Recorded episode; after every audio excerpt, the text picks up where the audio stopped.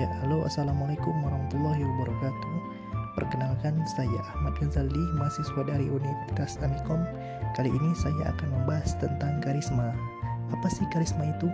Dan apa saja yang harus dilakukan untuk memiliki karisma? Dan pertama, menurut KBBI, karisma adalah keadaan atau bakat yang dihubungkan dengan kemampuan yang luar biasa dalam hal kepemimpinan seorang untuk memberikan rasa kagum dari masyarakat terhadap dirinya. Nah, jadi apakah karisma hanya didapatkan oleh orang tertentu saja? Tentu tidak. Karisma bisa didapatkan kok dengan dipelajari atau diusahakan. Orang-orang yang memiliki karisma tidak akan berusaha untuk menarik perhatian ataupun penghormatan. Orang lain akan tertarik dan respect dengan sendirinya dengan orang yang memiliki karisma. Karena itulah banyak orang yang bilang itu adalah anugerah atau berkah dari Tuhan.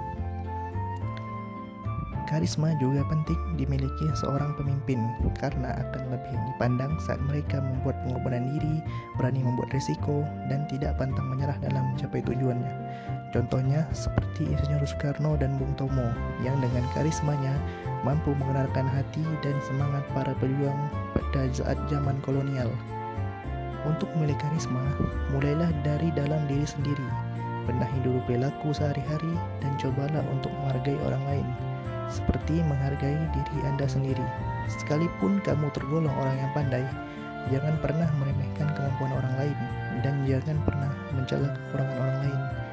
Dan ingat, sekalipun kamu menganggap diri kamu sudah bagus, kamu juga nggak lepas dari kekurangan. Karena itu jagalah sikap dan tutur kata kamu itu orang tua, bos, atau bahkan teman sekalipun. Karena selama ini orang yang punya karisma adalah orang yang pandai menyesuaikan diri dan tahu sopan santun. Lalu, cobalah untuk tersenyum setiap kali bertemu dengan rekan yang Anda kenal. Gak perlu berlebihan, tetapi juga dengan jangan cuma basa-basi. Tersenyumlah dengan tulus dan juga diperlukan seni memuji dengan tulus juga biasakanlah menunjukkan empati terhadap rekan yang sedang dalam kesulitan. Dan yang tak kalah penting, perbaiki penampilan kamu seperti menggunakan pakaian yang sopan dan membersihkan diri sehingga orang akan tertarik dan nyaman dengan penampilanmu. Selebihnya untuk menambah karisma diri, bekali juga dengan pengetahuan dan wawasan yang luas. Jangan ragu untuk menambah keahlian dan keterampilan.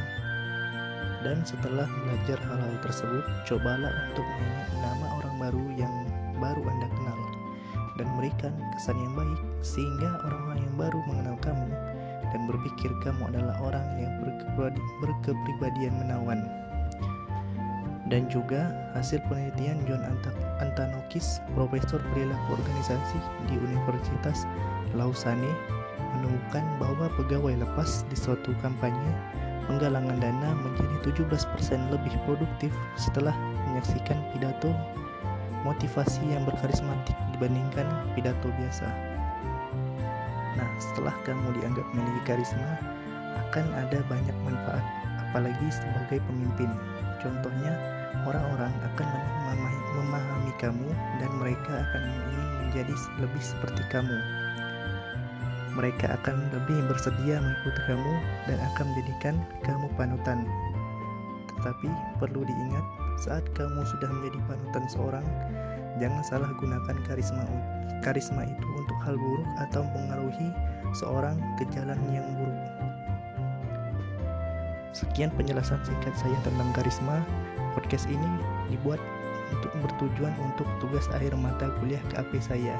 Jika ada yang kurang atau kesalahan kata, saya mohon maaf. Wassalamualaikum warahmatullahi wabarakatuh.